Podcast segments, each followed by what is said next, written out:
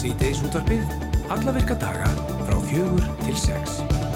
Og það er Andri Freyr Viðarsson og Guðrúndi Semilstóttir sem ætla að vera með ykkur í dag til klukkan 6. Já, Hrafnundur Haldursdóttir kemur líka við Já, eh, að sjálfsög, sögu hvernig læti ég, hún er bara geta með okkur hérna inni sko, hún Nei. er meira úti í dag. Já, hann er stödd fyrir norðan. Já. Uh, það stýttist í skólabyrjun Yes. og kennarar er náttúrulega í óða önn að mæta til vinnu og er að undibúa næsta skólaár. Og eru bara spenntir. Já, er ekki fyrsti dagur allavega hér í Reykjavík 20. og annar, annar, jú, jú, það 20. annar. er þriðju dagur næstu viku. Já. Aða bara stilla klukku, Mhm. það er rosalett. Og við ætlum að heyra á eftir í Helgudögg Sverrisdóttur, hún er formaður bandarags kennara á Norðurlandi Eistra. En hún var að skrifa grein í vikublaðið uh, í dag og grein sem hún var að beina að kennarastjættinni og hún var svona að fara yfir nokkur atrið sem að kennarar þurfa að hafa í huga fyrir komandi vetur. Jú, jú, jú, jú.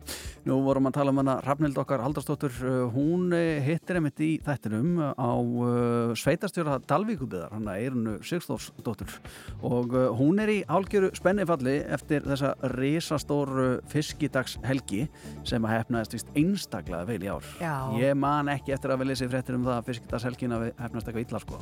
Núna? Nei, aldrei. Já, Varst þetta því? nei. Nei. Það gæti náttúrulega hafa gæst að það hafi einhver tíma verið einhver lögbrot eða er alltaf. slís. Það það var eitthvað um nýfa og eitthvað svona, við senn, smá fíknir brot og svona. Já, Já, já. en allir, allir glaðir. En hefnaðist einstaklega vel, já. Meina, Inga Sæland var já. tók lagið Tók smellin sinn úr uh, félagsamilinu. og Rúrik. Já, já. Nú voru æskast hana. Nei, bara hann. Nú, Já, já, og svo Steindi og Ötti. já, já. Það var fullt af fólki. Andri. Geggjað, geggjað. Já, við þurfum eiginlega... Sé bara eftir að ekki farið. Já, Já. já, já. Eh, Það er líka hlaupahópur, uh, hlaupahópurinn Boss HHHC. Hann lagðast það í morgun frá Akureyri Mm. og stefnan er tekin á Reykjavík og þanga allar þeir að vera komnir á lögadaginn. Það er ekkert annað. Hópurinn, hann hleypur í jakkafutum Já, og hleypur fyrir kraft sem Já. er stuðningsfélag fyrir ung fólk sem að greinst með krabbmenn og aðstandatur og þeir eru að gera þetta í minningu Ingur Hundar Kjartansdóttur sem að lést á síðasta ári aðeins 37 ára að völdu krabbameins Uh, og Inga Hrund var einhverja Rúnas Marnús Ragnarssonar sem er góð vinur hópsins og ég held að hann sé með þeim aðna hvort hann er bara eitthvað eins og sjúkaraþjálfi hann er svona huga af þeim Já, já, já. En við komumst að því öllu saman á eftir. Eh, Í hádeginu, þegar ég náði tali af Pétur Ívarsinni sem að feð fyrir hópnum, þá voru þeir að leggja af stað á auksnandalsiðina. Já, já, já, já. Við ætlum að heyra í Pétri bara í beinni og eftir Mhm. og forvittnastu um bara hvert planið er og, og hvernig hefur gengið hinga til. Akkurat, en okkur í síðdeisóttarpinu langar til þess að opna á umræðina um leikvelli hér á landi því að öll konnustu nú við að hafa einhvern tíðan farið á róló eða, eða leikvelli og þá sérstaklega við sumatíman til þess að hafa óana fyrir yngri kynsluðinni en mörgum þykir nú svona ákveðið metnaðileysi í þessum málaflokki hér á landi og uh, vill svo umræða að fara á flug meðal foreldra og uh, svona um, um leikvelli hér á landi að þessu arfa slækir og uh, já ég vilja bara betri, meiri kræfjandi leikvelli sem eru skemmtilegri. E, við ætlum að opna síman eftir sem er 5, 6, 8, 7, 1, 2, 3 að því að fólk sem er að koma utan það segir það að það sé leikvelli bara hverja einasta strái sem eru virkilega flottir, skemmtilegir og kræfjandi að leikar bara heilmikið en ekki hér heima. E, þannig að við spyrjum hlustundur á eftir 5, 6, 8, 7, 1, 2, 3 hvar er besti leikvelli landsins og hvað mætti svo betur fara á leikvellum landsins? Já, þeir hafa voða lítið breyst í árna rás. Það er þetta klassíska, það er, er rennibröðin, það er vegasaltið og það er rólan. Já, Þetta, þetta er það. já. Stundum er sangasi. Aparólan er komin kannski, en já, já, það er mjög Já, sjálfgeft. Einmitt. Það er bara einhver svona Rolls Royce. Já, já, en hún verður þreytt eftir fimm ferðir. Já, hún verður það. Já, já. En við ætlum að byrja á þessu hérna. Uh, Það er heldur betur búið að vera líf og fjör á Akureyri í dag og nóg að gera hjá hafnastjóranum Pétri Ólafsinni sem að uh, er á línu hjá okkur. En í dag er nefnilega eitt stærsti dag og sumas í komu skemmtifæraskipa til Akureyra. Kondur sæll og blessaði Pétur. Nei, heil og sæl. Já, við erum nú bara með hálfgerða móral að halda þið svona lengi á línunni í ljósi þess að það er brjálað að gera. Hva- hva- Hvað, er það að taka mörg, mörgum skipum í dag? Heyrðu, þetta er eh, svona, já, bísnastór dagur hjá. Við erum að taka móti fjórum skipum í dag, tvö lítil og, og tvö stærri og síðan þegar þessi fjögur skip fyrir að farin þá ætlar eitt að koma í, í heimsóktilegar hérna sent í kvöld og verið við nóttina. Þannig að það verður líf og fjör og er búið að vera líf og fjör. Mm. Það talaði um þetta sem eitt stærsta dag ásins í komu skemmtiraskipa. Er þetta sá allra stærsti kannski? Já, það eru nokkri dagar svona við miðum þetta kannski meira við fjölda fartega því við erum náttúrulega að hugsa um innviðin og annað. Þannig að þetta er svona, það eru nokkri dagar sem er svona svipað þessum. Þetta er svona á milli 5 og 6 þúsund fartegar sem að, er að koma og við erum það, búum það vel hérna á Akkurir að vera með mjög sterka innviði hvað varðar þjónustu við þessa fartega. Öflug ferðarþjónustu fyrirtæki sem að taka og dreifa fartegunum mjög vel um Norðurland og, og þarna svo náttúrulega fjölmarki sem að röldum bæinn og, og þarna njóta, njóta listikalsins eða vestlana eða veitingastæði bænum. Mm -hmm. Hvað fara, fara ekki flestir í land? Jó, það er svona bróðuparturinn af farþegun sem, sem að fara í land. Svona 60 til 70% fari í skiplaða ferðir og, og það er náttúrulega að fara mjög við um Norðurland og að Góðafoss og, og, og sé vinsælast en margir fari í Kvalaskóðun og Laufás og Jólahúsið og ég er úrglega að gleyma mörgum, mörgum stöðum og listigarðinu náttúrulega uh -huh. og svo þeir sem að fara ekki skipilega ferðir þeir eru öll um bæin og hann eins og sagði og njóta hans Já. Pétur, hvað er það að taka á móti mörgum skemmtifæraskipum á ári?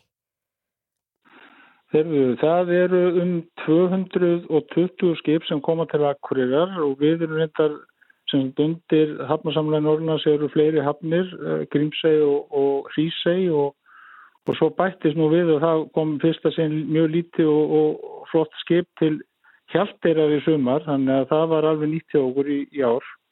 Þannig að það var, það er búið, þetta er búið að ganga eiginlega líla vel það sem að vel þjónustan og, og ég heyri, heyri það bara þjónustu aðeilum hérna í bænum að, að menn eru gríðilega ánað hvernig tiltóks, menn voru búin að manna sér vel upp og, og þarna bæði með, líka með tækakost og annað þannig að svona þjónustu stígið hefur alveg gengið mjög vel. Mm -hmm. Er einhver takmark fyrir því hversu stór skipin meg að vera sem þið eru að taka á móti eða ráðið þið við að taka við öllum, bara við á móti öllum skipum því að nú er ég rátt með þetta í huga Nú er uh, finsk skipasmiðastuð að leggja loka hönd á stærsta skemmtifæraskip heims uh, sem að mun já, já. rúma 10.000 manns. Gæti þú tekið á móti þessu skipi? Ég held að þau segja aldrei að koma til Ísland þessi stóru skip sem eru er, er að syklum heimsins öð en, en þarna ég held að þessi skip sem er að koma í dag til dæmis uh, Norwegian Prima sé svona ég líka segja limit en þetta er svona stæðstu skipi sem að maður sér fyrir sér er að, er að koma mm. og koma í náinni framtíð. Já. Ég, að því að skipafélagin er náttúrulega líka að hugsa um hvað innviðinni þóla og hvað innviðinni ráða við að þeir vilja eins og við náttúrulega upplifun allra sér sem best. Akkurat. Hvernig er það Pétur, ég er hafnastjónin búin að steimpla sér út í dag, er þetta lengri dagur en ella? Nei, maður byrjar að skipa ekki næsta ár bara. Nei, þetta er, þetta er bara Við erum reyndar bara mjög vel mönnu hérna á höfnunni og, og hérna uh, þetta rúlar ótrúlega vel, finnst mér allavega og, og þarna við erum að fá á samt bara íslenskum höfnum bara mikið kredit frá skipafélagum hvernig þjónustustíði er, þannig að það er nú mjög jákvæmt og, og það sem að kannski skemmti fyrir að skipin hafa kannski umfram annan ferðamóta þau eru að dreifa farþegum gríðalega vel um landi, það er búið að tala um það í mörg ára þá þurfum við að, að dreifa farþjónum ekki bara á, á Suðurlandi, heldur dreifa um landi og þetta er akkurat sá ferðamáti sem gerir það og það er yfir 20 hafni sem er að taka móti uh, skemmtiförarskipum í dag, minni hafni það náttúrulega minni skipum, en þetta er að ebla hafnasjóði og sveitasjóði út um allt land og það er mjög mikilvægt að halda því uppi að, að þetta styrki landsbygðina gríðarlega mikið að fá þessi skip kringin því um landið. Já. Pétur uh, já, Ólafsson, Hafnastöru, Akureyri, takk hjálpa fyrir spjallið og, og gangi ykkur vel má, með eh, komandi skip. Má, má ég segja kannski eitt á lókum? Í guðana bænum, endilega. A, já, bara eitt svona dagur hérna hjá okkur er að skilja eftir sig öruglega um og yfir 150 miljónir í, í hagkerfi hérna Akureyri. Já. Þannig að þessi mýta sem að menn hafa verið að tala um að skipin skilja ekkert eftir sig, hún er ekki alveg, alveg rétt af því að bæði veitingastafir uh, og vestlanir og ímislegt annað er bara tróðfullt hérna og eins og segi það er, ég myndi halda að í kringu þennan dag séu einhverja 150 til 200 miljónur sem verða eftir í eifiska efnáðsvæðinu eins og við kollum það. Já, það er magna. Ég bara þorði ekki að spura því að þessu Pétur því ég lofaði fyrir í dag því ég, er að, ég ætla ekki að spura hennar tölur en, en það er gott að komst með hennar punkt að ég mér langaði mikið að spura. En takk ég alveg fyrir þetta ekki málið. og bless bless Takk, takk. Já, Það er ekkert smáraði með þér 150-200 mils Já, já, væntalega til ferða þjónustu aðla líka þarna svo eða Já, já, já, þannig já, að já. þetta er, Það dreifist í aft Rástfö, fyrst og fremst í 40 ár.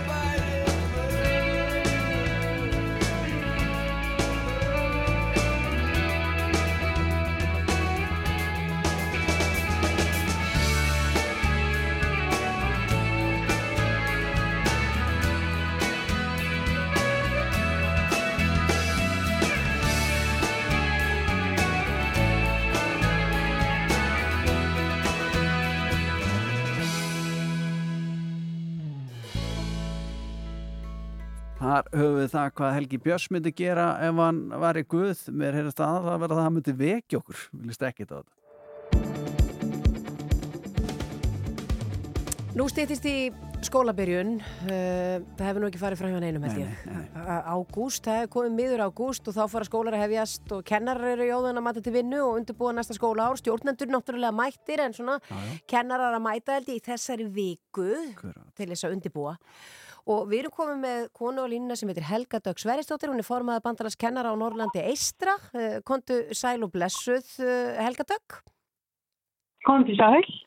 Eru þú skrifaði grein í, í vikublaðið í dag, uh, já svona grein þar sem að þú varst að beinaði kennarastjættinni og varst að fara yfir nokkur atrið sem að kennarar þurfa að hafa í, í huga fyrir komandi vetur? Já, það passar. Viltu aðeins svona fara yfir þetta með okkur? Já, hvað finnst ykkur fórhundilega að heyrum?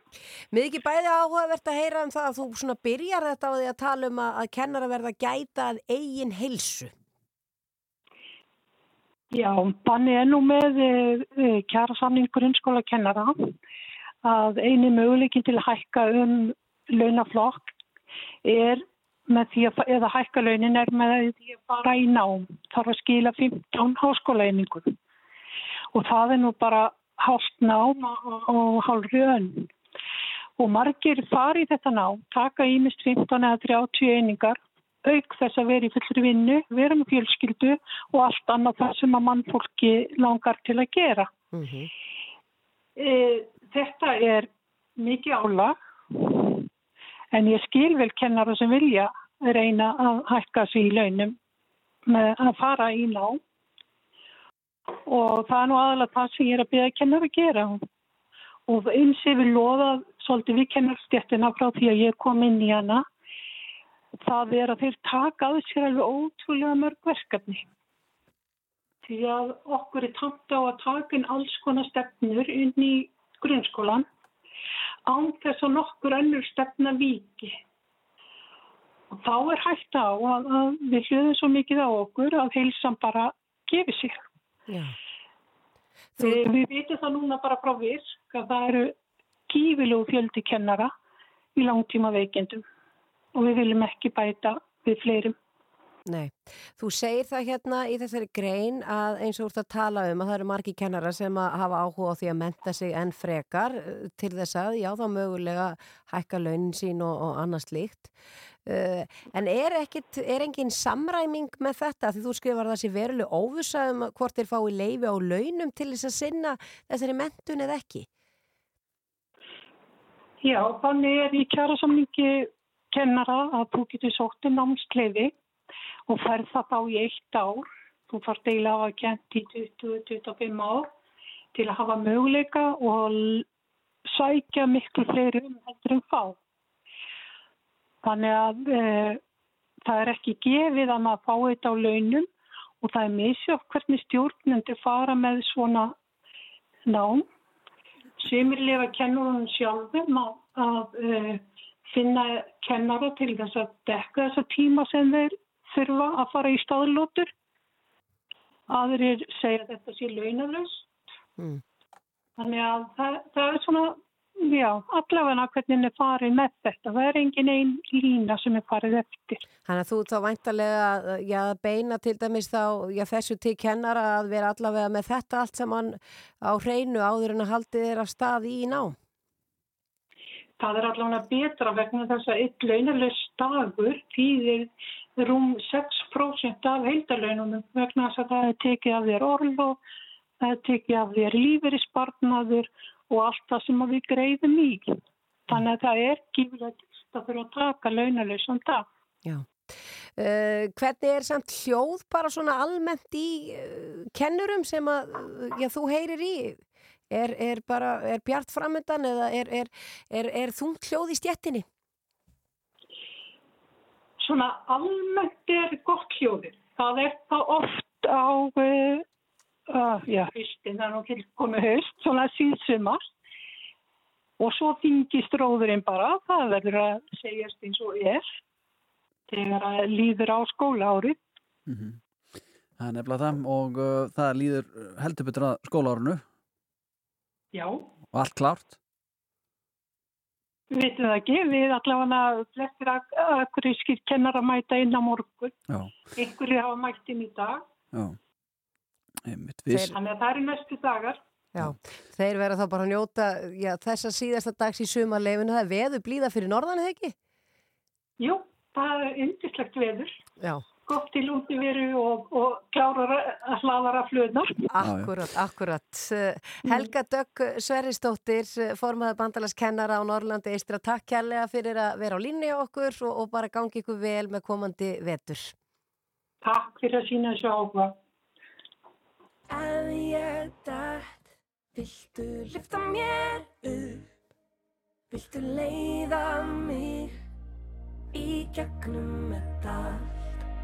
Ég vil hlaupa hratt og vil ekki gera það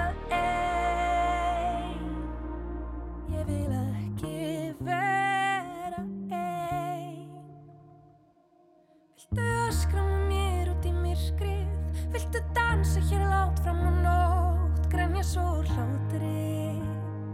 Enginn skilur neitt. Viltu svara mér þegar ég ringi?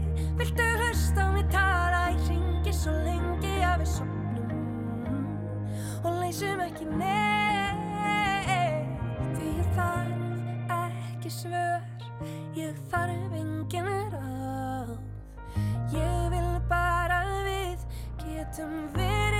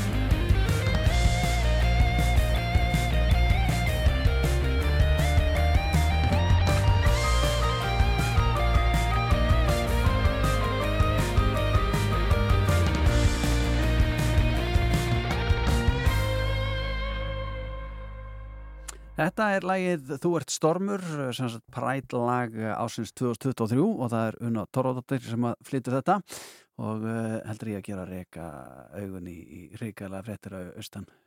Nú. Tengt þessu móli. Nú verður að rífa niður reppofána á eigistöðum.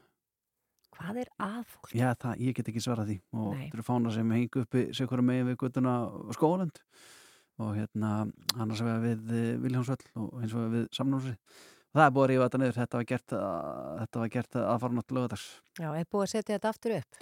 Já, en þeir fundu gamlan, þessi voru skemmtir sko. Já, Já, en Já. þeir áttu gamlan til og skelltu honum bara upp í staðinn en eh, þetta er svo eru sumir sem segja að, að þetta er bara svo hræðilt og Já, ömulegt já, og, og, og, eðlilega að segja fjölmjöla frá þessu Já. svo er einhverju sem segja sko að, að eh, sko fjölmjölar eiga ekki að einhvern veginn veita ekki það að ekki vera að veita svo aðtikli en ekki vera að Ó, gera það fyrir skemmtaverkan þessa Já. ömulu, þetta Æ, æ. ræðilega fólk mér Að þetta vera hérna- að segja frá þessu. Þú mátt segja mér þetta Nei, áður en ég opnaði- auðvitað mig verður, umræðan verður að vera upplýst og það verður að Nú ræða er ég með þetta. samvinskupið Nei, Ég er bara það, Nei. samvinskupið, jú, jú en, En- þetta er bara Já, já, nei, að nei. við séum ekki lengra komið fyrir austan, það er ekki gott. Já, já, þetta er nú vísvegar um land líka, þetta verið að gerast já, já. Sem er náttúrulega alveg jafnglatað en uh, við ætlum að uh, fara að opna þér síman á eftir, hann er 5687123 og það sem við leitumst að er hver og hvar á landinu er besti leikvöldun fyrir krakka að því það er oft verið að tala um það að þeir séu fyrir eitthvað slappir hérna á landinu en einhverjar undatækningar þó en hvar eru þessar undatækningar en til að vera með okkur í þessu og, hérna Ég vil líka að fólk segi skoðun sína á leikvöllum yfir höfuð og komi jafnvel með hugmyndir að því hvað mætti betur fara. snildarumund Já. frábæra mynd það er það sem ég vil heyra. Já, takk Síðdeisútvarfið. Á Rástvö Veðurhorfur næsta sólaringin. Jæja, Gunnundís, uh, nú eru margir að býða spennt eftir því að heyra hvernig eh, menninganættur veðrið verður í ár. Já, Verður menninganóttur rauð eða verður hún hvít? hún verður náttúrulega aldrei hvít, það verður ekki fara að snjóa. Já, maður veit aldrei nefnilega með þetta, sko. Það er skemmtilegt, sko. Það er skemmtilegt veðrið, sko. Mér finnst það nú ótrúlega. Ég ætla að fara aðeins yfir þetta. Það er suðvesta eða breytilega á 3-10 metrar á sekundi víða bjartveri en sumstaðar skíjað á Suðurlandi, skíjað og sumstaðar smá væta á morgun en bjartveri fyrir austan og hiti 8-19 stíg og það er hlýjast á Norðausturlandi en suðaustan til á morgun og það eru eh, náttúrulega rauða tölur í kortunum og það er hlýtt á landinu þannig að Já. við höfum ekki við nokkra kvarta Nei, nei, nei. Eh, 15 stíg í Reykjavík núna klukkan 6, 17 stíg í Bólungavík 16 stíg á Akuri, 16 stíg á Egilstöðum og 15 stíg á Kirkjubæðaklustri Mm ef ég tilli mér hérna yfir á þriðdægin þá er þetta bara svipa á morgun miðvíkudagur, aðeins að kólna hérna í Reykjavík þegar að segja svona 11 gráður og mögulega eitthvað úrkoma Nú, Egilstaðir hins vegar, átjónstega hitu og full sól ég er bara að taka Geggjað. staðaspá uh, frá viðstofu Íslands þannig að það má ekki ertu ekki með menninganættur veðrið? jú, ég er að fara þangað Ok. það má ekki trillast við mig ef að Það er enginn að fara að trillast við þig. Við vitum alveg hvernig það virkar. Úrkoma á fimmtudaginn, svo fyrir við í föstudaginn, þá er úrkoma, Ok, laugadagur, já.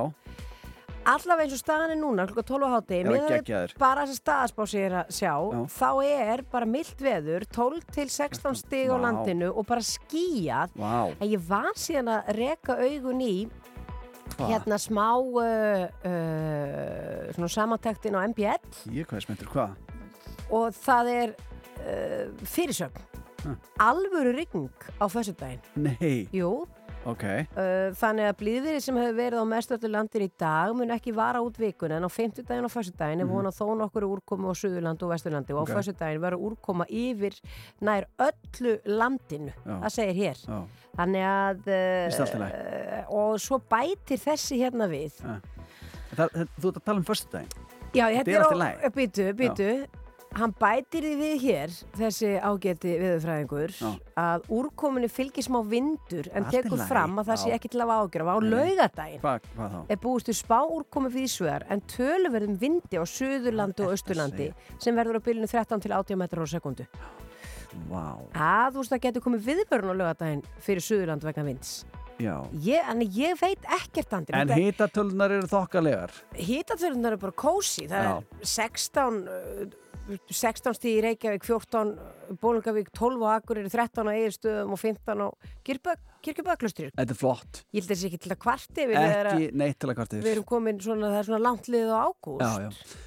Heldur betur, flottu pakki hauguna mín, takk hjálpar þetta, þetta var frábært, eh, við ætlum að Þetta er virkilega bara flottu pakki, bara helt mann alveg á brúnni allan tíman, svona eins og að segja að maður fara að sletta, þetta er cliffhanger sko. Eh, við ætlum að opna þér síman, hann er 5687123 og við erum að spyrja hvað eru bestu leikvillir landsins og hvað mætti svo betur fara því að það er nú ekki lítið kvartaðið í hverju slappir hérna á Íslandi. Oft vil er það þannig svona þessum tíma ás þegar fólk er að koma utan eða búið að vera mikið út að leika og svona. Margt sem spilar inn í.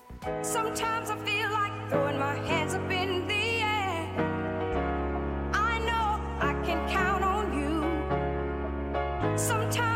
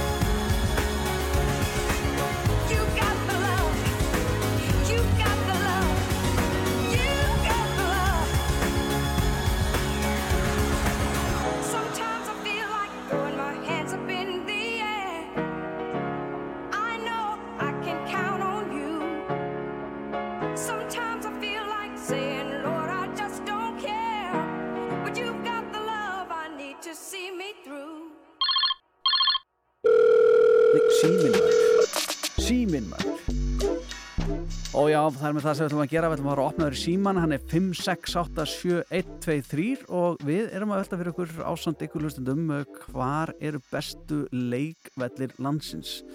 Eh, Það er oftur kvarta verið því að þeir sé ekki nógu krefjandi. Þeir eru ekki nógu skemmtilegir. Og uh, það er bara alltaf eins. Það er sko Það er rennibraut, rólur og það er vegasalt Það hefur bara ótrúlega lítið kannski breyst í þessum efnum hér á landi með að við að svo fer fólk til útlanda og þá þar er alls konar í gangi. Já, akkurat. Og ef fólk er að hlusta í útlendu líka og hefur góðar sögur að leikvöldum, þá má það ringja þannig líka í 56873. Uh, þú og Snærós voru nú hérna fyrir í dag, vorum að ræða þetta. Þið uh, myndust á gott svæði sem er í fæðingu. Já, í Ellegadalum. Já, Þar er svona vassleikjagarður, já, svona sullutæki. Börn geta komið og sullað og, og svona, það er svona allir eitthvað sem er öðruvísi. já, já, já. En ég veldi samt fyrir mig bara, Andri, og að því við höfum fengið líka ábendingar um það. Hvers vegna eru allir íslensku leikvöllinir svona svipaðir og ég frekar eins, það er svo þú segir, það er þessi já, og það er játn rennibrautin og kannski eitt kastali, er þessi kastali, eru þeir kannski bara í leikskólum og skólum? Nei, Já, jú. ekki bara. Þeir Er eru, nei, þeir svona, nei, nei, þeir leynast við það. Og vegasaltið? Já, já, En, en eins og til dæmis í ég flestum sænskum bæjum og borgum þá finnuru ægilega flotta svona, í Svíþjóð. já, Já, flotta. já, ég þekki það ekki. En þú, hver, hver er þín reynsla? Mín reynsla er svo að þetta er frekar svona óspennandi að dæma. Já, Það er lítið að gera og maður þarf að hafa sér allan við til þess að batnið hafa gaman. já, Þá þarf maður að skrýða undir einhver tæki og taka þátt og ég er ekki að kvarta við því sko, nei, nei. ekki miskila. En þetta mætti vera meira krefjandi og spennandi. Við skulum sjá hvað eh, hlustendur segja rástöðu góðan dag. Halló? Já, Þessu ég hafði ekkert að segja. kuknaði bara alveg á nógunni. En þessi áttur um þetta hefur kannski eitthvað að segja. Rástöðu góðan dag. Já, góðan daginn. Já, góðan daginn. Hvað ringið þú? Ég ringi Kópói, þar er langflottasti leikvöldurinn. Þetta er ekki keppni, en, en hvaða leikvöldur er það? Það er hérna við lautasmára, nýbúið að taka hann í gegn eh, og hann er rosalega flottur og hann er fullur af fólki alla daga. Já, Og hvað er bóðið upp á þarna í uh, Lautasmára? Það er hérna svona ringur sem að fólk getur klifrað, svona eh, þeir sem eru í einhverju líkasvægt. Aha. Svo er geggjuð rennabrauta hús og, og svo er svona lítið hús sem er þetta verið í, í hérna búðarleik og svo eru rólur og, Mhm. og það er gerf, er gerfigras og, og, og hérna og hellur svona eh, yfir í hús og er risa stór fjagramála róla. Já. Ok, ok. Þið þurfum endilega að koma að sjá þetta. Þetta er alveg flottasti leikvellurinn á auðborgarsæðinu. Já, allir, allir Kópavóður sé svona freka framalega, það er til dæmis mjög flottur leik, leikvöllur hérna niður í Fossvóginum, Kópavóksmegin, mitt, með aparólu og Já. hoppabæk og öllu. Já. Þannig að, Já. er það þín tilfinning að Kópavór sé að standa sér vel í þessum efnum? Já, og svo er leikskóli hérna líka, hérna Arna, hérna hinnum með við lautasmára, það er rosalega flottur er, Íbúið að taka hann í gegn. erum við ekki þá bara komin í sömu gömlu rennibrautina og, og hérna og gorma hestin? Nei, nei, þetta er allt, allt öðru sig. Já, ok. Og svo, svo er líka hrifin af þessu gerfigrassi og Já. þessu mjúku hellum sem að krakkar eru Já. í, eh, Það er rosa gott svo að, dett ekki. það er mjög gott Já. að detta á þær hellur einmitt, ég þekki það sjálfur. Og svo, svo vilja þau svo- líka oft vera skólaus, þannig að það er ágætt að hafa eitthvað mjúkt undir. Já, þetta er fullt alla daga og svo Já. eru bekkir til þess að sitja og, og það er svona vatn til að fá sér að drekka og þið þurfum bara að kíkja í gópaði. Við hittumst þetta um helgina, takk hjá fyrir þetta. Það er alltaf fullt af fólki hérna, Já. rosa líf og fjör. Takk fyrir þetta, Gjalla. Herði, já, takk fyrir, gaman að heyri ykkur. Sömulegis. Já. Kópárin, já. Uh, Rástu góðan dag. Hvar er besti leikullu landsins? Já. Herðu, ég heiti nú Björn Sælbjörn. og ég, ég myndi segja að það var í Bjössaról og í Borgarnesi. Já, Af því að þú heitir Björn. Nei, Nei. af því að það er svona orginal leikvöllur. Já, hvernig þá? Uh, núna er þetta allt orðið svo sterilt. Mm. Það er alltaf einhverjum gúmimottum og einhverju drasli. Ég er nú alveg upp í gardinum og þar voru leikskólanir þannig, leikskólinn þannig Mhm. að það var sett trilla inn Já, og krakkarnir gáttu klifrað upp í trilluna og svo voru tóftir við hliðina og þar var liðið að moka mold og Já. kom heim högdur og já. Það er allt vittlust í dag ef að krakkarnir kemur drullir út sko. Já, ég man nú eftir svona trillum. Það var nú alltaf skemmtilegt, sko. Er það alveg bara, sem að það ekki lengur? Nei, nei, nei, nei, það er alveg snar bannað samkvæmt barnavindalögum. Nú, í alvörni. Já, já, og það voru sett lög hérna fyrir, já, ég bjónu í gardinum fyrir einhverjum 20 árum sennilega Já. og þá var verið að skikka alla leikskóla landinu til að setja gúmimóttur sem voru keifta frá Akureyri. Já, hún var nú að tala með hana vinkon okkar, úr Kópáinum, hérna rétt aðan, hún var ægilega hrifin af þessu. Já, ég veit það, Já, en þetta er bara, þú veist, þetta er bara annar, þú veist, annar önnur áferð. já, já. Já. já. Þetta er eitthvað, öruglega eitthvað tengt náttúrulega já, stöðlum að, að öll leiktæki fyrir börn þurfa að uppfylla ákveðna staðla þannig öruglega þess vegna sem að má ekki lengur vera með trillur. já, já. En Nei, en, en, en þú veist, að, að með ekki móka mold og sandi það má og alveg, skýta svo út. Björn, það má alveg moka mold og sandi. Sandkassandi með þér, halló. En ég hef heyrt um Bjössaróló að hann sé Já. samt mjög sjarmirandi. Það er borganesið. Já, borgarnesið, hann er orginal. Ok, ok. Bjössaróló, hann er Svo, komin... er- Hæ? Þú meira? svo er eitt sem er langar að minnast á því viðbót. Já, Að það er í sambandi við þessa gleðigöngu og, og það allt saman. já, Að mér finnst, fannst mjög gott að lesa pistilnas Magga Torfa tannlagnis um hins segið hana. já, ég sá hann ekki. Nei, það þurfa allir að taka ábyrð á sínu sko. Já. Mér finnst svolítið að hins eginn samfélagið sé að verða eins og kennarasambandi var orðið hérna fyrir svona 5, 6, 7 árum. Nei, nei, nei, nei. Hvað hva, hva áttu við með því? Það er bara svona, Var eitthvað að kenna það sambandinu fyrir 5-6 árum síðan? já, já, það var helling að því sko. Já.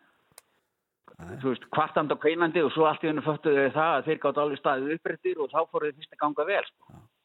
En við ætlum nú að tala En- hérna um leikvellina, sko, Bjössi. Þannig Já, ég veit það, ég bara Já. þurft að koma þessu að. já, já, þessu komið að kallið minn og við þökkum fyrir þitt innlegg. Ekki málið, Bless, bless. bless, bless. Já, ég var sko sjálfur í útlöndum í sumar, það er ekki frásum verðin eitthvað, að ég var í Kaupanöfn Mm. þar er paradís myndi ég að segja sko. Þú talar um Svíþjóð sem paradís uh, ég hef ekki kynst því veit ekki, en það voru svona krefjandi leikvelli sko, sem var þetta klifra svona eins og svona klettaklifus eitthvað halda jafnvægi á öllum fjandanum sko og renna sér niður eitthvað svona slár sko eins og slökkulismenn sko en nema ekki sko sem var tveir metrar eða, eða hálfur sko, þetta var aðeins meira. Já, og bara batnið mitt bara kom bara út bara sem bara, ég, ég veit ekki hvað sko, bara búin að læra fullt að nýjum lutum bara sem maður ekki hugmynd um sko, Já. það magnað sko. En það væri forvitnilegt líka eins og við erum að tala um hvaða staðla þarf svona að uppfylla til þess að geta Ég, ég, ef sko, ef þetta er rétt sem Björn er að segja hérna, það með ekki móka sand og drullu lengur Já, ég held að sé nú ekki alveg Það rétt sko, aðeins svona vera eh, aðeins vera að krita það sko en já, við, ég held að við ættum að taka þessu umræða lengra og, og, og fá jafnvel einhvern hönnuðinga Já. Leikvalla hönnuð, ef það er til Já, og sjá á hvað leið við Íslandingar erum í þessum Já, og fólk maður endilega benda okkur á þennan hönnuð. Síðdegis útvarpið. Ekki slæmur félagskapur það. Frá fjögur til sex á Rástfö.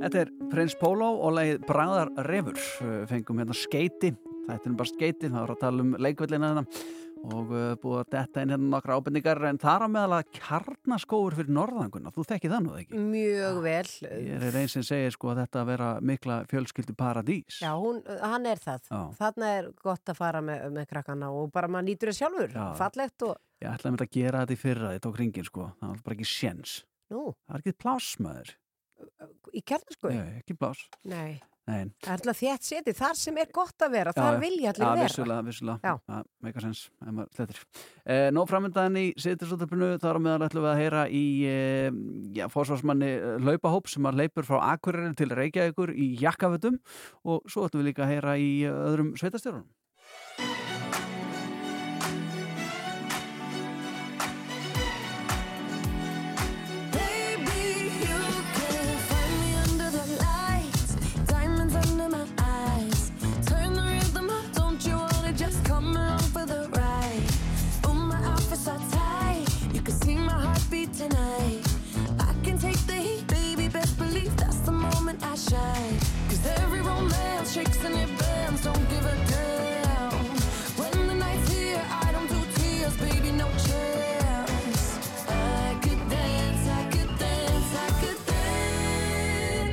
Watch me.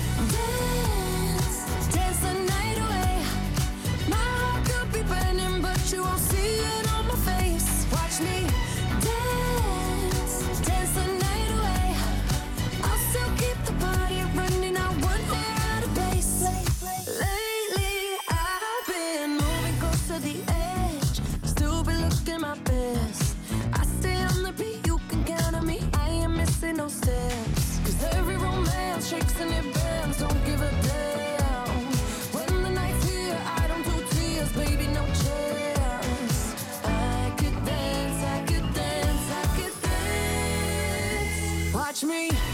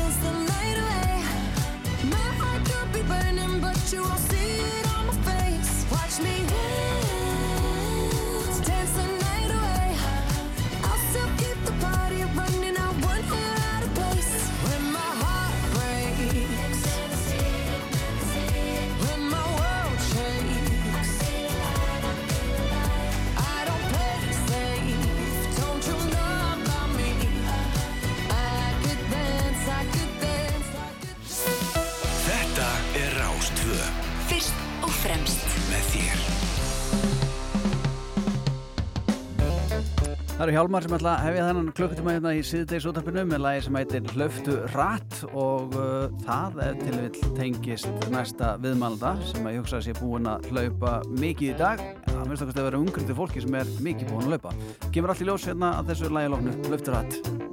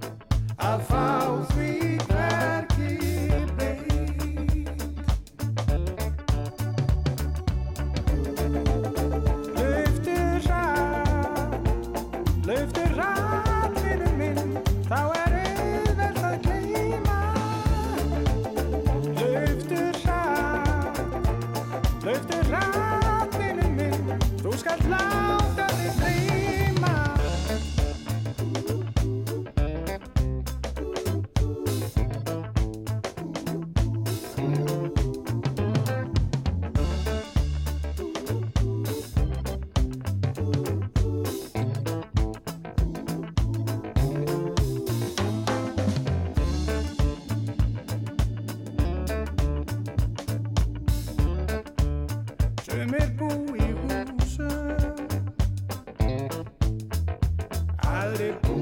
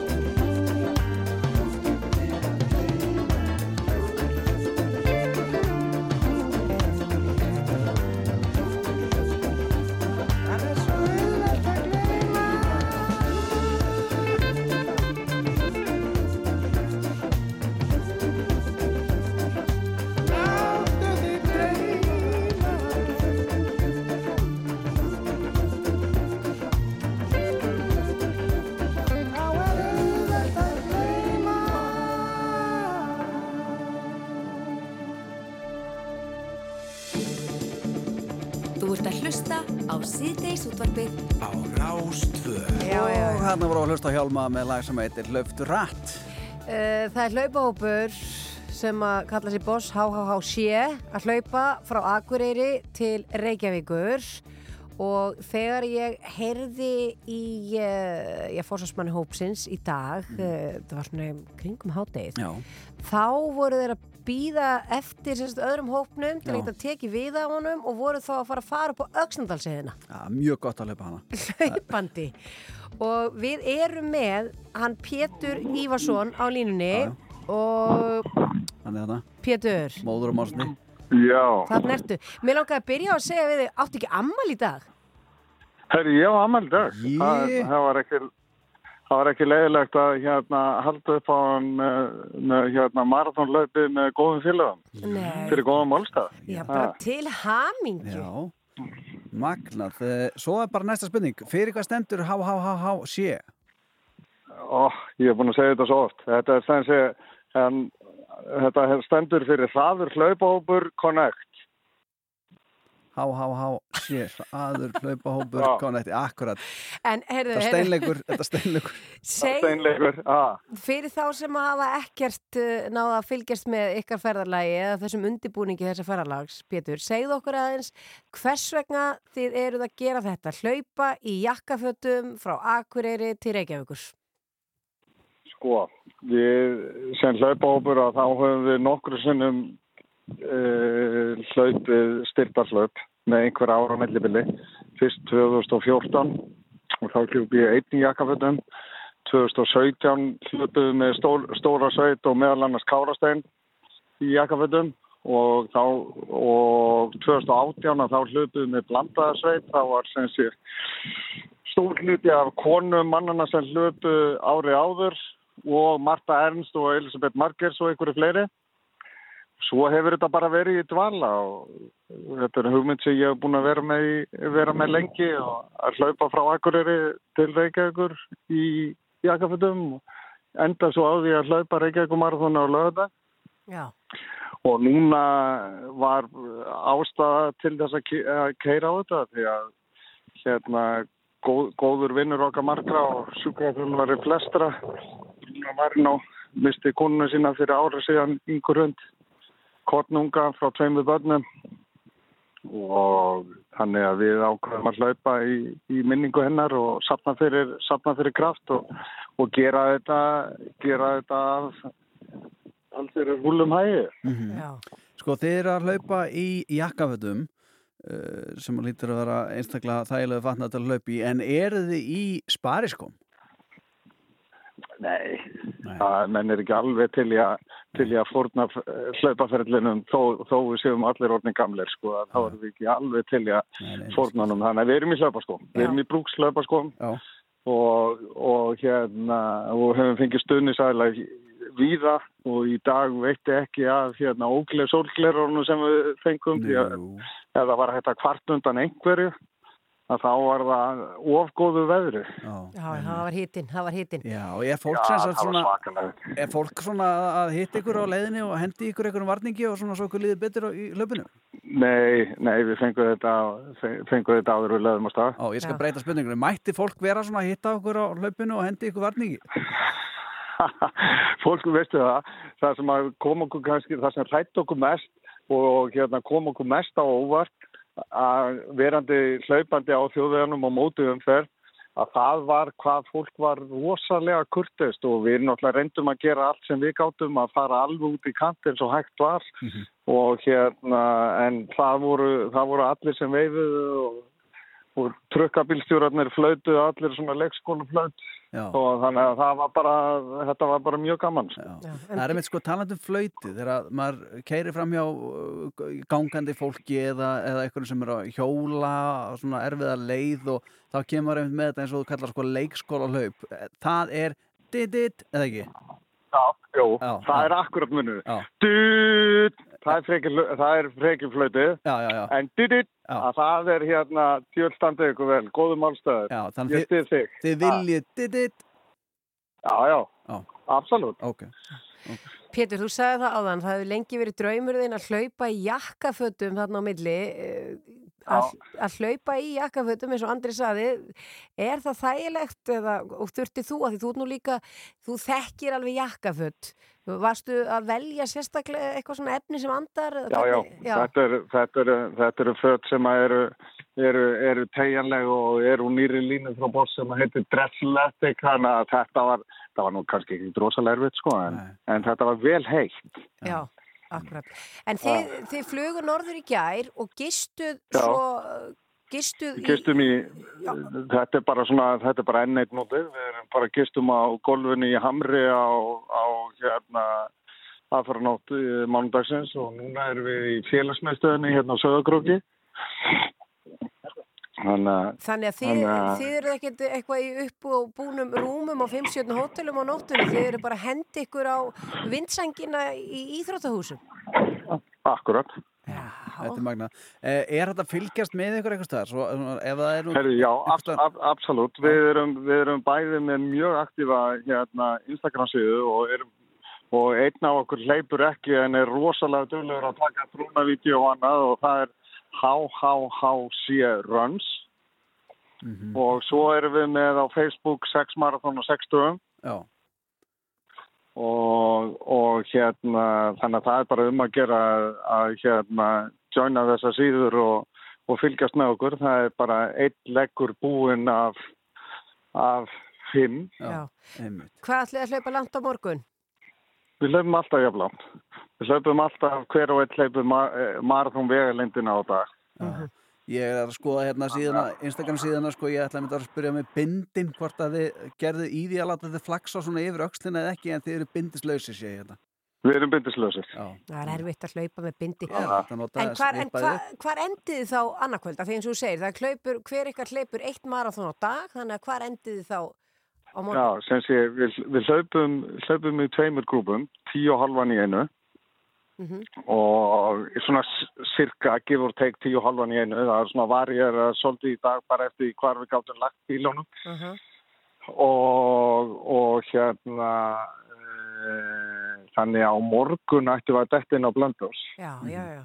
Þannig að þið hlaupið allan að gistum, gistum þar Já, þannig að þið er að hlaupi kannski svona svo rúman klukkutíma kvíli svo þá í rúman klukkutíma svo aftur í klukkutíma þannig að þetta er hörku puð. Akkurat. Rosalegt, þetta er rosalegt. þannig að og þetta er alveg lúmst sko þó að þó maður sé ekki að hlaupa þetta geðvikslega hratt sko þá, þá er þetta er þetta alveg því að þú veist þegar þú hleypur marathon í heldina þá svona þá kemur þreytan ekki út Já.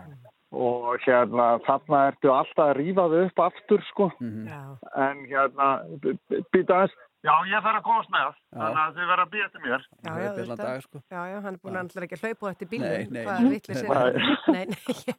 En ég meina, Pétur, þú ætti ekki að sannfara okkur um það að þetta sé lúmst. Það svitna bara flestir á efrivörni þegar hugsa um að einhver hlaupi 42 km á dag. Þannig að, en, en uh, kannski, Pétur, hvað á að gera til um dagsins? Þú ert að fara með þeim eitthvað þeirra betur?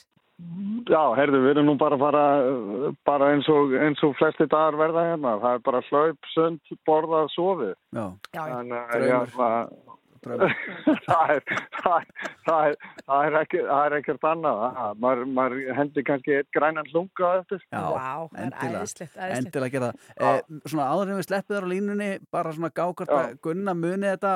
Gunna, hvað stendur há, há, há sé fyrir? Það var eitthvað hæfilega, hæfilega ríkur hlaupahópur Connect, eitthvað svo leiðis. Þetta var, þetta, var góð tilhörn. Heyrðu, en ég vil enda að minna fólk á að, sem sé að fara inn á hlaupastyrkur, Já, finna okkur boss háa á síðliðið og þar er hægt að fara beint inn á link, link hérna hópsins og styrkja. styrkja kraft.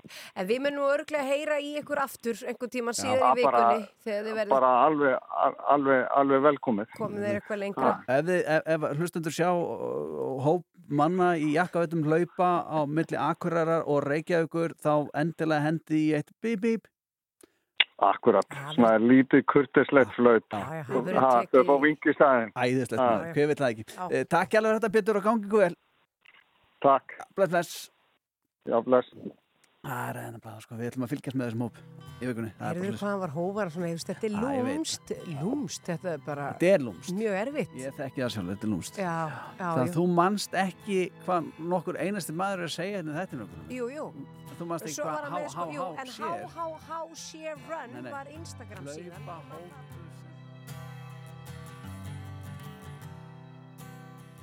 All this talk of getting on, it's getting me down, my love. Like a cat in a bag, waiting to drown. This time I'm coming down. And I hope you're thinking of me as you lay down on your side. Now the trucks don't work, they just make you worse. But I know I'll see your face again. Now the trucks don't work, they just make you worse. But I know I'll see your face again. But I know I'm on a losing streak. As I pass down my old street And if you wanna show Then just let me know And I'll sing in your ear again. Now the trucks don't work They just make you worse But I know I'll see your face again. Cause baby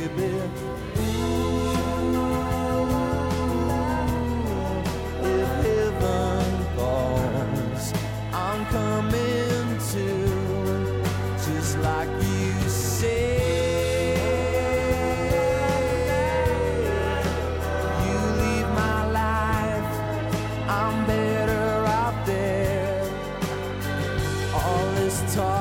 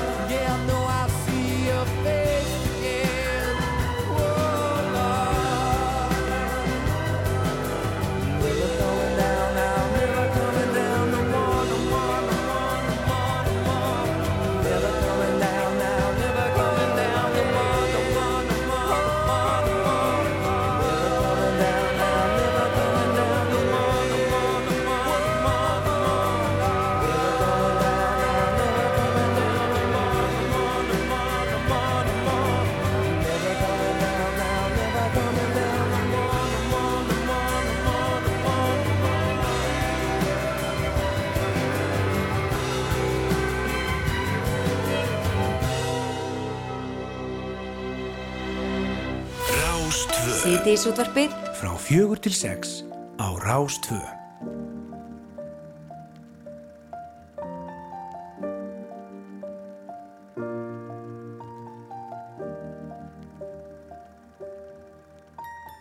Once I was seven years old, my mama told me, Go make yourself some friends or you'll be lonely.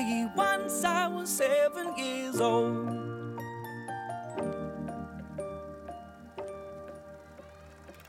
It was a big, big world, but we thought we were bigger. Pushing each other to the limits, we were learning quicker. By 11, smoking herb and drinking burning liquor. Never rich, so we were out to make that steady figure. Once I was 11 years old, my daddy told me, Go get yourself a wife or you'll be lonely. Once I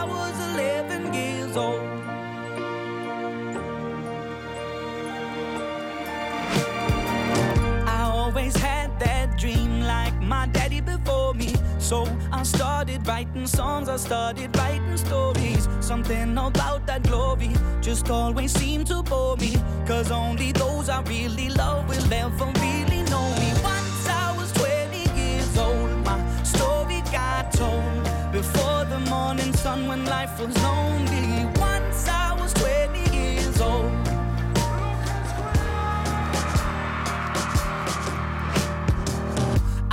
See my goals. I don't believe in failure. Cause I know the smallest voices, they can make it major. I got my boys with me, at least those in favor. And if we don't meet before I leave, I hope I'll see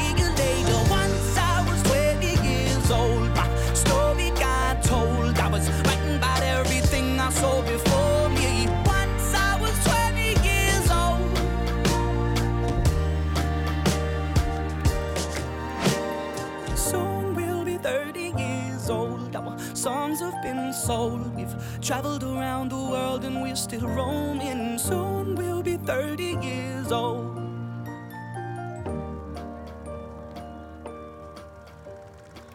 I'm still learning about life. My woman brought children for me, so I can sing them all my songs and I can tell them stories. Most of my boys are with me, some are still out seeking glory, and some I had to leave behind. My brother, I'm still sorry. Soon I'll be 60 years old. My daddy got 61. Remember life, and then your life becomes a better one. Made a man so happy when I wrote a letter once. I hope my children come and visit once or twice a month. Soon I'll be 60 years old. Will I think the world is cold or will I have a lot of children who can bore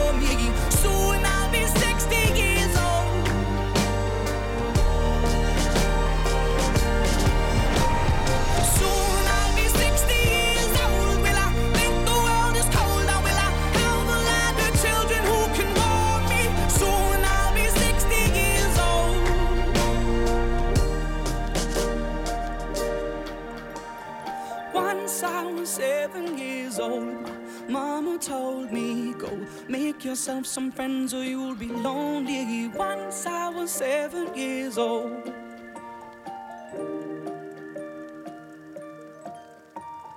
Once I was seven years old. Manstu þegar þessi var sjöra? Þessi maður Já. uh, eða einhver úr sveitinni Lucas Lu- Graham Já, já er þetta sveit? Já. Ó, En það sem að margir halda er að Ó, ok. söngvarinn heiti Lucas Graham. Já, þetta er sveit sem heitir Lucas Graham. Þetta er sama hérna með Jamiroquai, dæmið. Örglega því Nefnir það er að, svona minna eins og um, nafn, já, því að hann heitir JK akkurat. sem er Jamiroquai en, en maður ok, já, já. ok, þá slepp ég þessu grínu mínu sem ég ætla að koma með hérna, en ég ætla að fara samt sem áður yfir í eh, já, þá popdífu sem að verðist vera að slá hvert heimsmetið á fætur öðru. Og hún verðist vera algjörlega óstöðandi eh, Dagur Bjæketsson, hann er búin að reyna að gera hann af vinkonu sinni með að bjóða henni hingað til lands og, og bjóða henni að koma enga og hann ætla að sjá til þess að hún muni að hafa mjög gaman Gengur ekkit að gera það? Ég, er, ertu búin að frétta eitthvað því? Er hún búin að svara? Eitthvað eitthva, eitthva herst frá herbúðum Taylor Swift eh, til dags? Af hverju vill dagur fá hana? Af því að hún, varst ekki hérna með okkur? Var það Happy sem var hérna, vorum að kíka á það? Nei, við vorum, nei, við vorum, mástu, hann, hann hérna Twitter var að segja, hei, getur komið til Íslands og spila tónleika, ég mun sjá til þess að það verið gaman hjá þér Jó, jó. Við, erum flott að ressa hérna á góða bari. Já, tók sér upp eitthvað minnislýsi hjá mér hérna eftir sumafrí Akkurat, Já, já, já, einmitt, hvað má vita akkurat það stafar. En e, það er hann saga því að eh, Taylor Swift er í gríð og erg að slá hvert heimsmetið á fæturöðru og e, það er mjög stitt síðan að e, við fengum fregnir af því að já, hún væri svo manneskja sem að sko e, þetta verður sko, einu sinni gerst með lifandi e, tónlistarkonu eða mann e, að e, viðkomandi eigi tíu plötur á topp 200 lista Billboard Records eða Billboard, ekki Records, heldur bara Billboard uh, USA, eða Billboard eh, síðunar og hún sem sagt núna er hún eini lifandi uh, tónlistamæðurinn sem á sem sagt, tíu plötur inn á topp 200 listan hún er náttúrulega ótrúleg. Andri, ég held að það hafi meira sem verið þú sem sagði mér að horfa á heimildamindina með henni Er það? Ertu ekki búin að sjá hana? Nei, það er ekki ég Það var ekki verið þú. Nei. En frábær heimildamind með henni, ég held að hún sé bara á Netflix Já. uh, um Taylor Swift Já, nei, og þegar ég sá hana Já. og kom mér svo óvart Jú, ég sá hana. Já, akkur, það tók sér upp hann gammal minnisleysi hjá þér Já, ég veit ekki hvað það stáður Uh, en þegar ég sá hana þá kom um, það mér svo óvart að hún semur alla tónlistina sína sjálf Aha. semur alla textana sína sjálf Aha. og hún er einhvern veginn hún er, hún er jarðbundin Mhm. og hún er einfari og hún er mikið með ketti með sér Já, hún er með kött jafnvel í bakbókum þegar hún fer ekkert í, í stúdíó og svona. Hún er, þetta er, hún er bara svo mögnuð stelpa. Sko, kötturinn minn er ekki núna? Nei, Hárreita sig. Okkur Ég veit það ekki. Hvernig gera hann það? Hún er bara búin að naga og sleikja hárin bara af einni loppinni. Hún er bara með sko ber strípaða loppu. Heldur hún sér ekki bara með einhver, einhver Veit það ekki. það er eitthvað á loppinu Nú er henni komið skerm já, Já, já. Að til að forða frá þessu, þessu. Nefna hvað, ég ætla hann ekki að ræða Nei, það býttu, en ég að ég held að að gæti verið að sé með eitthvað exem eða sé með nei, nei, flæri við, við ræðum ekki mín engamál hér í þessum þetta ég er að tala um hana Taylor Swift og nú er sko þetta með sem ég var að segja frá þetta með sko tíu blötur á topp 200, 200 listanum í Billboard, Billboard. Já, já. En nú er nýtt met og, uh, hún, hún er alltaf að slá sín eigin met. Uh, nú er það svo að uh, plöturinnar Taylor Swift uh, samalagt hafa þær dvalið í topp sæti bandarinska uh, sölulistans á plötum, popplötum. Já. uh, samalagt hafa þær verið í 63 vikur í toppsætinu. Wow. 63 vikur sko, það er meir en ár. Það er alveg 13 vikur meir en ár. Á ég segir eitt í það er, viðbútt það er, nei, það er, það er alveg 11 vikur meir en ár Ha, hvað segir, hvað er þetta marga vikur? Allt í góðu, allt í góðu hvað, segir, hvað var þetta marga vikur? Ég rugglaði 63 ár? Já, Já, það eru 52 í árunu akkurat, ég sagði það Ég sagði þetta var 11 vikur meira en ár Já, það var rétt hjá þér Já, En að því við vorum að tala um dag mm. Bjeggesson Bjeggisson sem að vill greinlega fá Taylor sviftingað Já, já, eins og margir það Já, já. Uh, Kristrún Frostdóttir, formaður samfélkingarinnar. Uh, það getur farið svo, hún fari á Taylor Swift tónleika í miðri kostningabortu. Nú. Og kostningarnar munur að minnst okkur ekki komið veg fyrir hún fara á tónleika. Hún er það mikill aðdáðandi. Þannig að það kannski er þetta bara eitthvað sem samfélkingamenn, þeir bara elska, samfélkinga fólk já, eða samfélkingar fólk, það elskar Taylor Swift og alls lengan undra. Nei Hver elskar ekki Taylor Swift? Fullt af fólki sem gera það ekki En, en hér er hún að minnst okkur með lagið Wildest Dreams He said, let's get out of this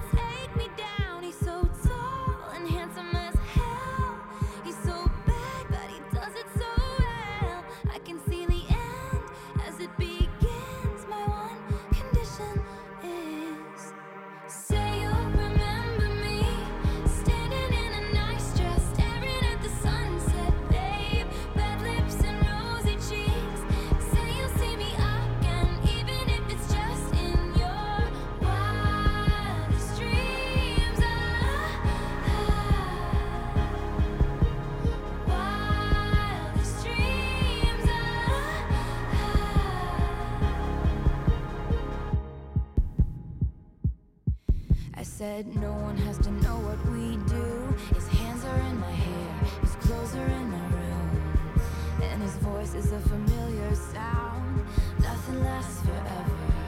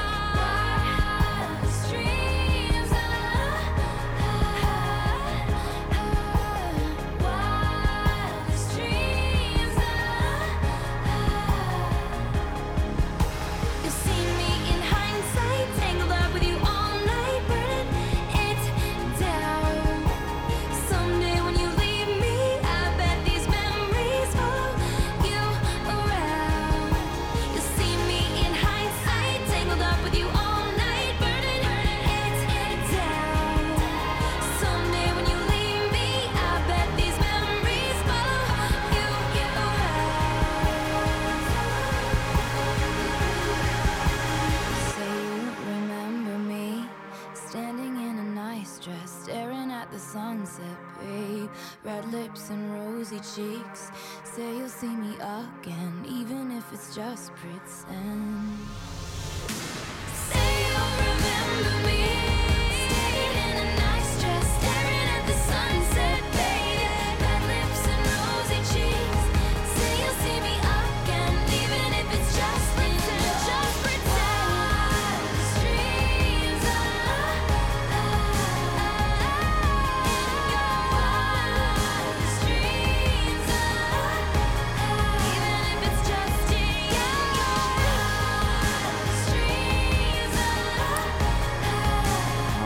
Taylor Swift og lagi Wild Streams vorum aðeins að ræða hérna.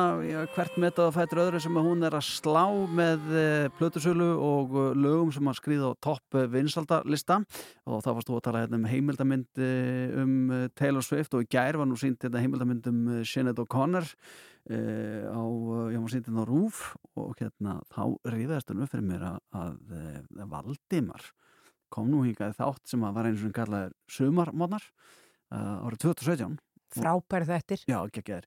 Og hann tók hérna uh, lag sem að Sinead O'Connor uh, gerði ódöðulegt sem að samið er af Prince.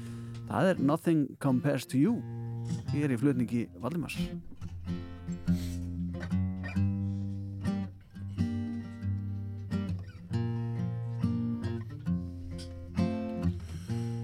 It's been seven hours and fifteen days since you took your love away. I go out every night and sleep all day since you took your love away. Since you've been gone, I can do whatever I want. I can I choose. I can eat my dinner at a fancy restaurant. But nothing, no, nothing can take away these blues. Cause nothing compares, nothing compares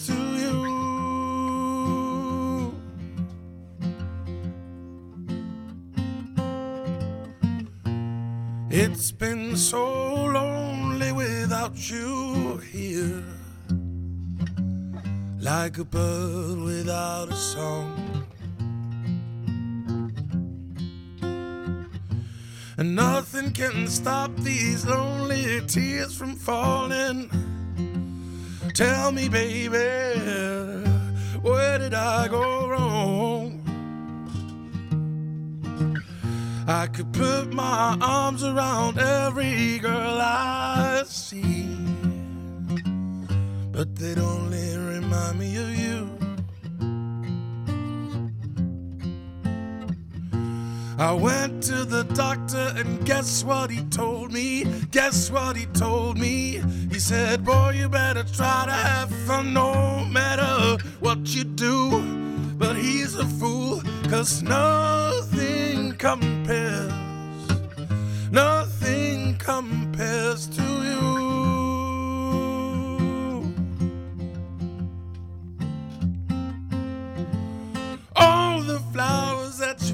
mama, in the backyard, all died when you went away. And I know that living with you, baby, was sometimes hard. But I'm willing to give it another try. Nothing compares, compares to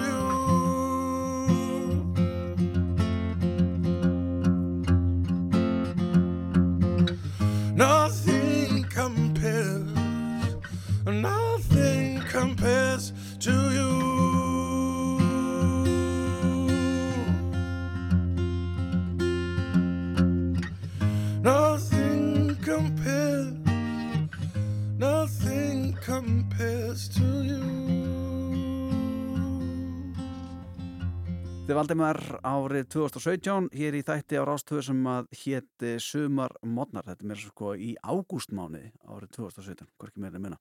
Við ætlum að vera að skipta yfir til okkar konu Rafnildar Haldarsdóttur sem er stödd í Dalvíkur byggð og búin að koma sér rækilega fyrir með sjálfur í eirunni sem er sveitast. Á leiðinni heim Síðdeisútvarpið Frá fjögur til sex á Rástvö.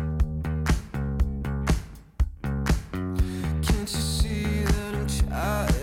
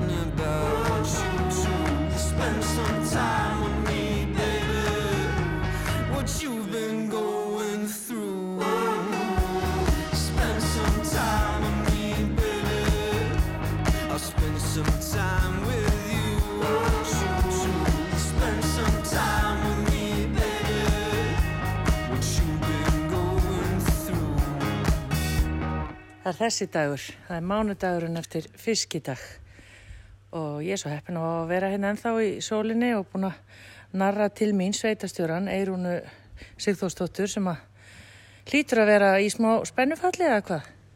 Já, ónættarlega. Þetta er náttúrulega, það var dásamlega helgi og það er svo gott að hérna, þetta fór allt svo vel fram Já. og þá náttúrulega, þú veist, það er náttúrulega alltaf einhver nútur í maganum þegar við höfum vonað svona mörgu fólki og, og hérna, við viljum öllum líði vel og allt gangi vel og, og það gerði það bara sem betur fer. Já. Og það eru komnar einhverja tölur, hvað er talið að margir hafi heimsótt Alvík þessa helgi? Já, ég var að tala um einhverjum um kringu 40.000 manns, eitthvað svo leiðis, ég haf vel rúmlega það. Já. Þannig að, hérna, menn vilja meina að það hafi komið fleiri á heimsóttökur heldur en undanfærin ár og hérna, en svona þetta er alltaf erfitt þegar við seljum ekki inn á alltaf nákvæmlega fjöldan. Fólk kom fyrr sem var mjög gott og, og hérna kom snemma og, og bara það var fyrirmynd, til fyrirmyndar umgengni gestan okkar og, og allt, allir þessi sjálfbóðalegir og íbúar og allt þetta fólk sem að kemur að þessu, þetta er bara mikið afrek sko. Og svo þegar maður gengur hérna um bæinn, sko, það er ekki pappis snifs eða neitt á, á guttunum? Nei, ekki neitt, það er hérna, þau hafa verið hér íþróttafélagin, fótboltinn og fleiri sem að fara hér yfir eins og stormsveipir og, og, og reynsa upp og, og eins og ég segi, bara þetta er ekki hægt án þessara sjálfbóðaliða og, og þessar fólk sem er bóðið og búið að hjálpa til. Já. Er nokkuð aftur snúið með fiskidaginn? Er hann ekki bara verða bara eins og þjóðótið eitthvað bara, þetta er bara komið til að vera?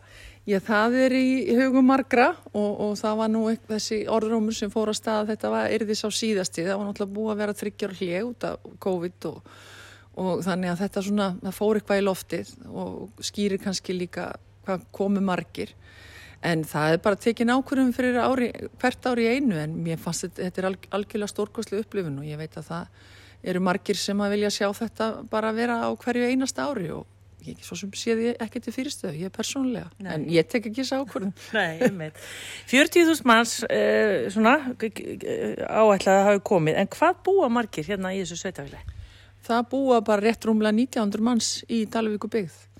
Þannig að hérna, ég saði það nú í hérna, ræðu hérna í kirkjunni þegar þetta var að byrja hjá okkur á förstu daginn að þetta jafnast á við það að kemur 2,8 miljónir manna í heimsókn í Reykjavíkur á einum degi. Já, vá. Ég er ekki vissum að borgi myndi leysa eins vel á við. Nei, einmitt. Uh, svona helstu verkefni, hva, hvernig svona gengur í, sveitafélaginu? Það gengur bara fínt. Fjárhagurinn okkar er góður. Það er bara, maður þreytist ekki á að segja það að standa vörðum það er mjög mikilvægt. að Það hefur verið mikið umræðinni hver fjárhagur sveitafélag hefur verið. E, við erum að að fara í nýtt ski- aðalskipulag og þrjú deiliskipulag. Okkur er að fjölga, það er verið að byggja og hérna og bara, mér finnst framtíðin björt. Það eru mörg tækifæri hér og sem betur fyrir eru margir að byggja vegna þess að kannski háur okkur mest það er íbúrhúsnæði þegar fólk vil, er að koma til okkur og setja stað þannig að það er bara úrlösnarverkefni Já. Er atvinnur starf sem er það alltaf tengt uh, sjávarútvegi en, en ferðarþjónustan lítur að vera blómstra líka? Já, það eru mjög öflug ferðarþjónustu fyrirtæki hérna og, og hérna og það er svona, það og landbúnaðurinn, það má líka segja að Dalvíkubið sé bara matarkista. Við erum með hérna frábæran landbúnaðavörur og, og svo sjávarfangið og, og, og svo náttúrulega kemur ferðamaðurinn með gældiri þannig að þetta er bara, þetta er bara, það er bara bjart yfir hjá okkur. Já, og nú erum við að tala saman hérna 14. ágúst. Hvernig er svona, ég veit að þeir eru náttúrulega með annálað flott skíðasvæði og það er þyrlu skíðamennsku og svona þannig að árið allt um kring þá er alveg hellingur um að vera. Já, við, það er það sem að náttúrulega hefur verið að breytast á, tröll, á tröllaskaganum bara yfir höfuð að hérna við erum náttúrulega með eins og segi frábært skíðasvæði og svo hefur þessi þyrlu skíðamennska bæst í hópin þannig að, að þetta er svona hérna orðið miklu lengra sísun þar sem við erum að fá ferðamenn og, og er bara okkur afskaplega mikilvægt. Hvað með því sjálfa er hún? Þú ert ekki fætt á uppbólun á Dalvík eða hvað? Nei, ég er ekki fætt á uppbólun Dalvík. Það er tæft ár sín í flutti. Flutti fyrsta september í fyrra. Tók við þessu hérna, krefjandi en skemmtilega starfi og þessu verkefni og hérna og er bara mjög þakklátt fyrir það. Já, ekkit svona sérstætt fyrir hvað, þú ert að, svona, ert ekki að hluta til úr vestmannheim og svo að vestan eða Jú, hvað? jú. þannig að ég segi svona stundum að, að hérna, ekkert stundum, ég finnst gott að vera út á landi. Mér, hérna, ég hafði átt ára viðverið í Kópavogi og eh, úst, það er gott að búa þar, Já. en, en það er eitthvað, eitthvað við það, nálaðina og, og bara mannfólkið og, og einhvern veginn að finna eins og bara þessa helgi, finna samstöðuna meðal fólks og það er einhvern veginn allt öðruvís, allt öðruvís í dýnamík. Og er opið inn á skrifstofu hjá Eirun og getur fólk í sveitafélaginu komið eða þið líkur eitthvað á hjarta? Já, já, alltaf opið. alltaf opið og meðan ég er við og, og, hérna, og það er bara, margir hafa nýtt sér og mér finnst það alveg frábært og sérstaklega fyrir mig þar sem ég er ekki innfættið dalvikingur þá er líka mjög mikilvægt fyrir mig að fólk svona tegið sér til mín og, og hérna vilji kynast mér og ég þeim. Já, einmitt. Eirun Sigþórsdóttir til hamingi með fiskidaginn, til hamingi með þetta allt sam, saman og þetta goða veðrið hérna og bara gangi ykkur vel og þér. Takk fyrir.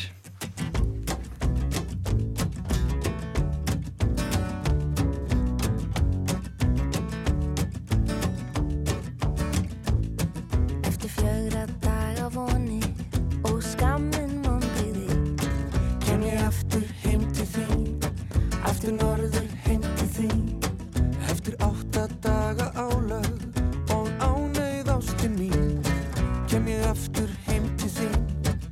Kem að sunnan heim til þín. En ég næ svo illa áttum og ég fer svo oft af leið. Ég fer svo oft af leið.